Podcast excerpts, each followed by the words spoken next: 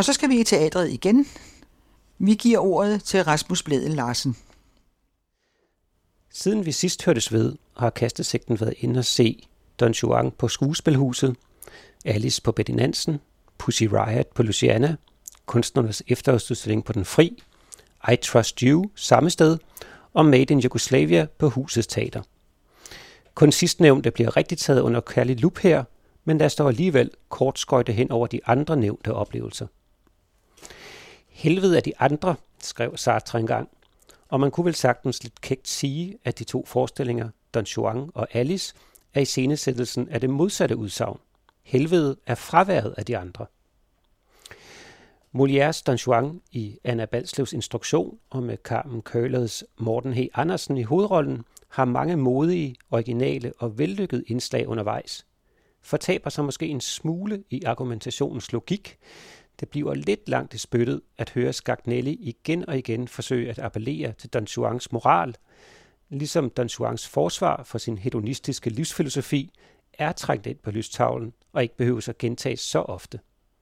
Omvendt tillægges netop denne, i sin kerne eviggyldige menneskelige sten i skoen, dikotomien mellem individets frihed og fællesskabets betydning, eller som Sali Hegel engang skrev, mennesket findes ikke i ental, central betydning.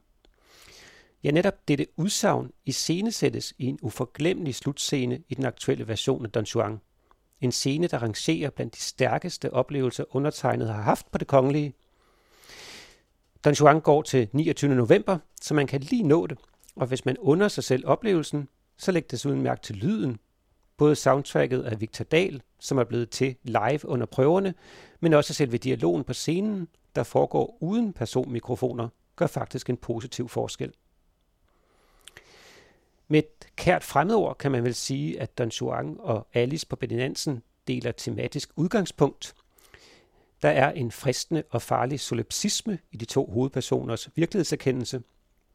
Måske lidt højpandet ord og klister på Alice, men ligesom med Don Juan lykkedes det instruktørduoen Sebastian Kloborg og Amanda Ginman at nyfortolke Alice, hvis sceniske indhold ret beset ligger tættere på Lewis Carrolls toer, altså opfølgeren til Alice i Eventyrland, gennem spejlet, men pyt, det er en fabelagtig og gakket i ordets bedste forstand troldspejlsdans, man kan se på teateret på Frederiksberg Allé.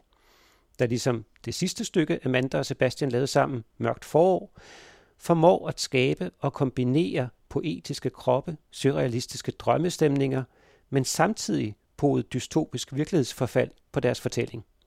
Det er sindssygt, for nu at bruge et nærliggende ord, godt lavet. Og Alice gav mig som nævnt mulighed for at genbesøge solipsismen som filosofisk begreb, og det er ikke bare min subjektivitet, der humør tilfældigt drev derhen. Det kan man også læse om, eller se og høre i det ekstra materiale teateret bringer på sin hjemmeside, i stedet for det traditionelle katalog. Her fortæller instruktørduoen, at hele pointen med stykket er at iscenesætte hyperindividualismens åndelige sideeffekter. Og det gøres til UG af slange. Freja Klint som Alice er sublim og fortjener en medalje, men skuespilspræstationerne hele vejen rundt er eminente. Ja, Alice kandiderer i min anmelderbog som en af årets forestillinger, så er det sagt. Grunden til, at jeg fik lyst til at nævne, at jeg også har været på Luciana og se udstillingen Pussy Riot, er fordi, at stykket I Trust You på Den Fri, et produkt af Toaster, den sene eksperimentelle pulje, der har beriget teaterverdenen de seneste år, og skabt af kunstnerduoen Daniel Norbak og Simon Nørgaard i samarbejde med en række fængslede eller eksilerede russiske kunstnere, hvoraf den ene, Marina Karpova, er på scenen, kan siges at behandle samme emne som udstillingen på Luciana. Russiske kunstneres vilkår og virkemidler under Putin. Og i begge gallerier, det er i Humlebæk og det er ved Østerbro station, dokumenteres den meget grovmotoriske og set udefra grovfascistiske undertrykkelse og chikane, som russiske kunstnere, der ikke spiller på den nationalistisk-patriotiske hammel, som Kreml ønsker, er udsat for. Det er ved Gud ikke for sarte sjæle. At se Pussy Riot eller at høre russerne i I Trust You, og det er vel den mest markante forskel på de to oplevelser. På Luciana er det primært videomateriale, og på den fri er det primært auditive optagelser, man mødes med. Selvom ideen er god og rammefortællingen sympatisk, så lykkes det ikke rigtigt for I Trust You at trænge ind bag mit filter. Jeg ved ikke, om det er timingen. Der er jo simpelthen så meget død og ødelæggelse i ens bevidsthed for tiden, at man bliver lidt afstumpet af det.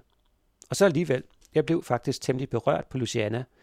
Så måske er det mere formen, eller manglen på nerve, eller manglen på en mere medindfølende fortæller. Lad mig give et eksempel. I anden scene er vi i en russisk retssal. Vi, altså os publikum, sidder foran et stort jernbur, som en af os beder sig indtage for eksemplets skyld, hvorpå at autentisk lyd optaget under selve retssagen mod en af de repræsenterede kunstnere bliver afspillet. Vi får et par korte ord med på vejen, så vi forstår, hvad der foregår, men ellers sidder vi bare der 5, 10, 15 minutter og lytter til en dårlig hørbar lydfil med uforståelig russisk. Jeg ved ikke helt, hvad jeg skulle tænke eller føle. De to performere giver ikke yderligere anvisninger og hjælper os ikke ud af scenen med nogle bemærkninger. Lyden holder bare op, og vi bliver inviteret over i næste scene, og det føles lidt tomt. Eller, vi synes i hvert fald ikke, de triste historier blev vores denne aften. Ja, faktisk var det bedste udbytte af aftenen for mit vedkommende, at Marina Karbova introducerede os til hydrofeminisme, en genre, jeg var helt og aldeles uvidende om, men som både meget stemningsfuldt indgik i forestillingen, og som jeg senere har hørt flere inspirerende foredrag om på YouTube. Ovenover I Trust You på Den Fri kan man for tiden se kunstnernes efterårsudstilling, og grunden til, at jeg nævner det, er, at udstillingen i år er kurateret af seks kvinder og ingen mænd, og da kunstnerne til faniseringen blev inviteret op til fotoshoot på 13, var der, så vidt jeg kunne se, cirka 5 mænd og 25 kvinder. Og grunden til, at jeg nævner det, kommer jeg tilbage til om lidt, for først skal vi lige introduceres til det næste stykke. Made in Yugoslavia, som havde premiere på Husets Teater den 11. november, er skrevet og spillet af Nicoline, nok mest kendt for sine stærkt seksualiserede musikvideoer, hvor hun blandt andet optræder nøgen sammen med Lars von Trier. Ja, sandt at sige har jeg ikke set musikvideoerne, men blot fået dem genfortalt. Men som trofaste lyttere af Kastersigten ved vide, har jeg ofte brokket mig over den ureflekterede brug af den nøgne menneskekrop på teaterscenerne. Og bare for at gøre min holdning helt klar, så er jeg selv en slags skabsnudist, eller naturalist, som interesseorganisationen for nøgne mennesker gerne vil have, vi siger i stedet. Og der er intet, jeg ønsker mig mere, end at vi som samfund og kultur kunne få et afslappet forhold til den nøgne menneskekrop i alle sine facetter, kvinde og mand, ung og gammel, stor og lille. Men sådan er det jo langt fra. Lur mig, om den kunstner, der kunne finde på at afbillede et nøgen barn, ikke bliver sendt lige lugt i helvedes inderste kreds for at gnisle tænder med Judas Iskariot af Folkedomstolen. Så når nu nøgenheden har den status i folkedybet, så synes jeg, at man bør omgå det nøgne menneske, men nok især den nøgne kvindekrop, med en vis respekt. Forstået på den måde, at den skal have en naturlig plads i fortællingen på scenen, og ikke bare være et tabloid blikfang eller provokation, som det nogle gange lader til at være tilfældet. Og grunden til denne lange afvej er, at min forhåndsviden om Nicoline, kombineret med plakaten til stykket, gav mig bange anelser, som blev gjort fuldstændig til skamme. Made in Jugoslavia er delvist en forestilling om det nu hedengangne land Jugoslaviens sammenbrud og opsplitning, illustreret gennem de kræfter og påvirkninger, som borgerkrigen trænger ind i Nicolines liv og familie med. Selv er hun født i Roskilde i 1987, men tilbringer meget af sin tidlige barndom hos bedsteforældrene i hvad der nu hedder Bosnien. Men også kun delvist, for bag eller under denne fortælling lurer aktuelle dynamikker i de europæiske samfund, der som en parasit, både i bogstavelig og overført betydning, vokser først i en symbiotisk tilstand med forestillingen og fortællingen, for som sygdommen breder sig at overtage og nedbryde den, hvorved hele organismen bryder sammen. Det er ret godt tænkt, og det er ret godt iscenesat. Og det er på sin vis gjort før. Made in Yugoslavia er i familie med mindst to-tre andre forestillinger, vi har anmeldt her på Kastesigten de seneste år. Og man kan vel godt slippe afsted med at kalde det en form for genre, der er defineret ved, at danskere med anden etnisk herkomst holder et selvbiografisk spejl op. Det gjorde for eksempel Hanim Georgis i sidste sæsons Den anden arabiske kvinde, og det gjorde Saki i Jeg hører stemmer, og der var et yndigt land. Alle tre, men særligt den sidstnævnte, har visse lighedspunkter med Made in Yugoslavia. Men derudover er Nicoline og hendes historie selvfølgelig helt sin egen og samtidig mere relaterbar end forgængerne. Og uden at ville botanisere for navlepillen i årsagen, skyldes det i hvert fald til dels, at den historie, som Nicoline fremmaner, altså om borgerkrigen i Jugoslavien, er i relativ frisk erindring hos mange. Da vi forlod teateret den aften, talte vi om de mange små og store begivenheder, der udspillede sig i og som konsekvens af krigen, og hvordan de strejfede både mit og min ledsagers liv dengang i midt-90'erne. Det gælder både konkrete erfaringer, for eksempel med flotellet, det store flygtningeskib, der lå ud for Udenrigsministeriet ved Asiatisk Plads, venner, der lavede kunst med udgangspunkt i jugoslaviske børns oplevelse af krigen, møder med NATO's styrker på grænsen til Balkan dengang, og faktisk også den historie, jeg har fortalt om i et andet regi her på radioen, den absurde propagandakampagne, som blev ført i medierne i USA for at legitimere, at man blandede sig i borgerkrigen på bosnisk og kroatisk side. Det skyldes selvfølgelig også den serbiske mesterinstruktør Emir Kusturicas guldpalmevinder fra 1995 Underground, og måske også et billede i avisen. Da jeg var yngre, der havde jeg nemlig sådan et ritual med at klippe årets pressefoto ud af en avis eller et blad og klæbe det ind i sådan en skrabbog, jeg havde. I ved, sådan en Sea White notesbog, man købte i Tutinger Kok. Fotoet var ikke nødvendigvis nyt eller specielt godt. Det, der kvalificerede det til at blive klippet ud og klæbet ind, var, at det fortalte noget om tidsånden, og helst på en skæv poetisk måde, var et blik på en større tendens i samtiden. Og i starten af det nye årtusind klippede jeg et billede af to fans, der kysser kridtpletten i midtercirklen på en fodboldbane ud. Det fotografiet forestiller at to tilhængere af Røde Beograd, den jugoslaviske fodboldklub, der vandt Europacup for mesterhold, forgængeren til Champions League i 1991. Og jeg genfandt billedet, efter jeg havde set Nicolines stykke, og jeg kan lige læse billedteksten op. 29. maj 1991 på Stadio San Nicola i Bari Røde stjernefans kan kysse kridtpletten efter, at det store multietniske Beograd-mandskab har besejret Olympique de Marseille og vundet mesterholdenes Europacup efter forlænget spilletid og straffesparkskonkurrence.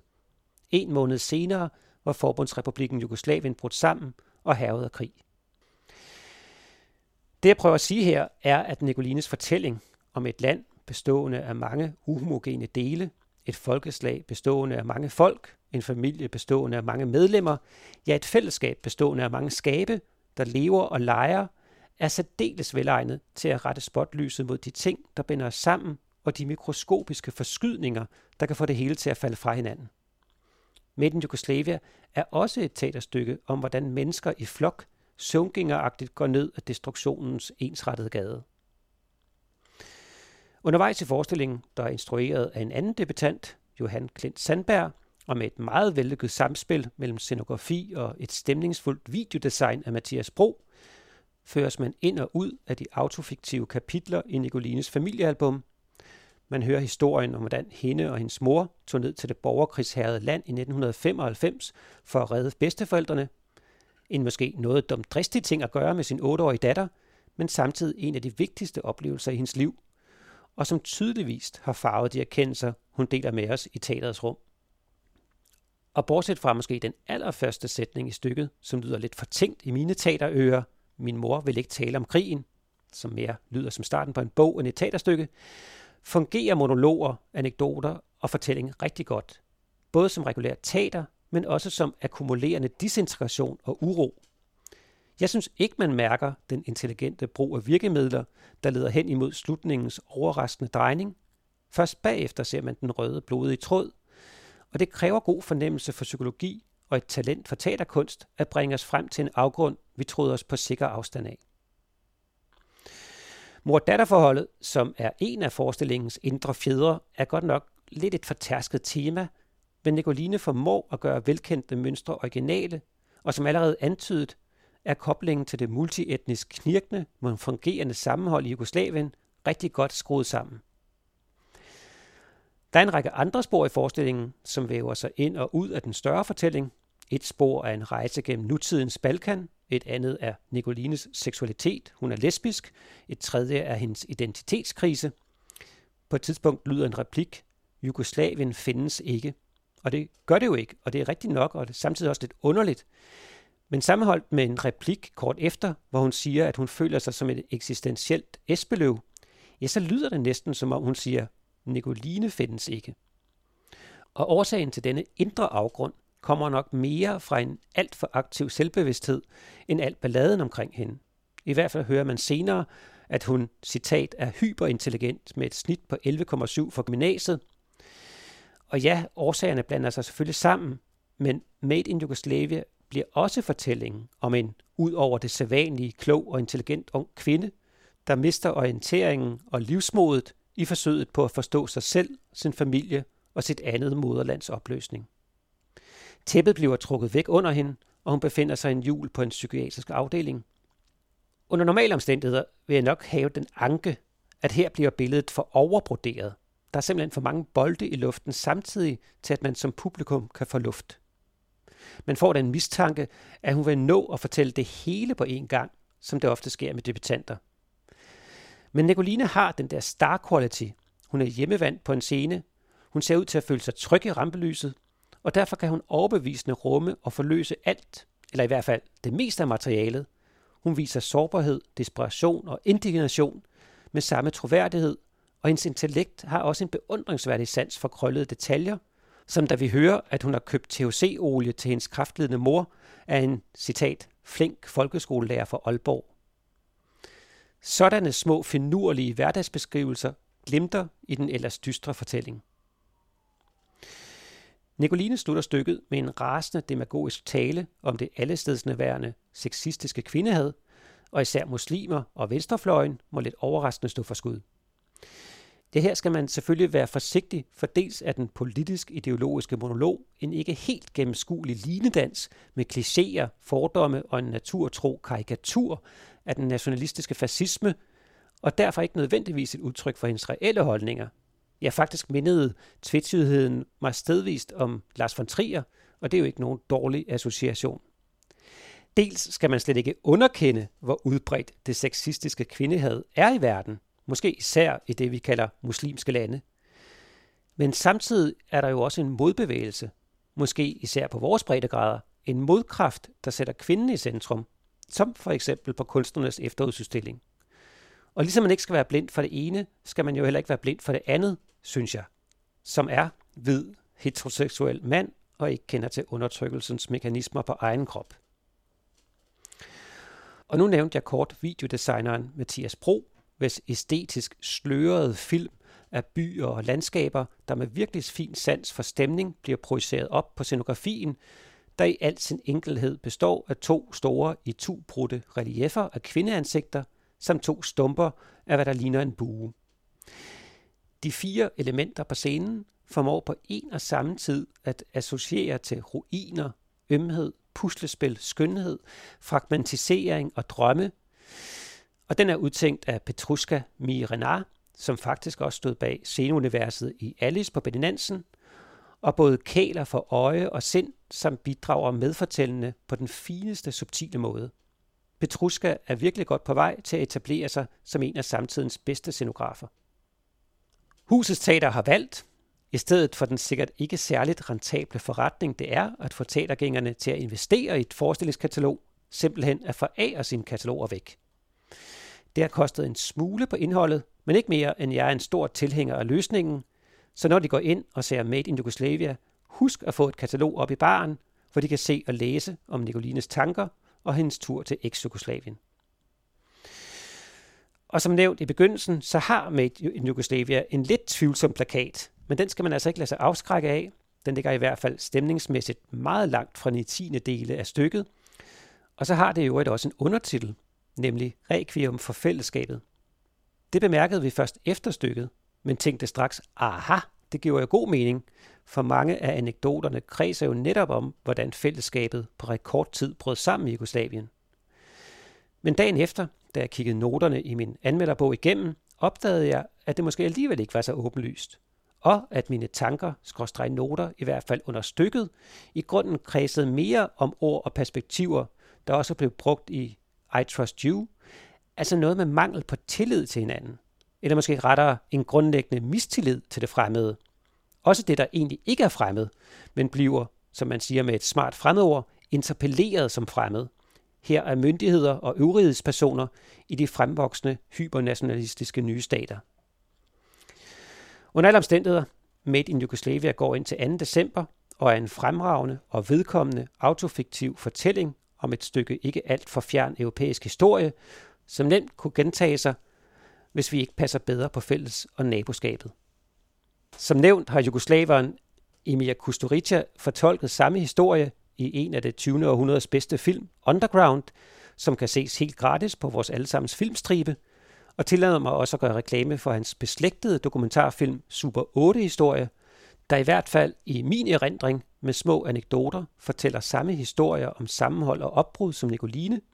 Den ligger på YouTube i sin fulde længde med spanske undertekster. De, kære lytter, kan selvfølgelig også se alle tre. Man kan næsten ikke undgå at blive lidt mere omsorgsfuld af det. Og lad os slutte med lidt musik fra filmen Underground.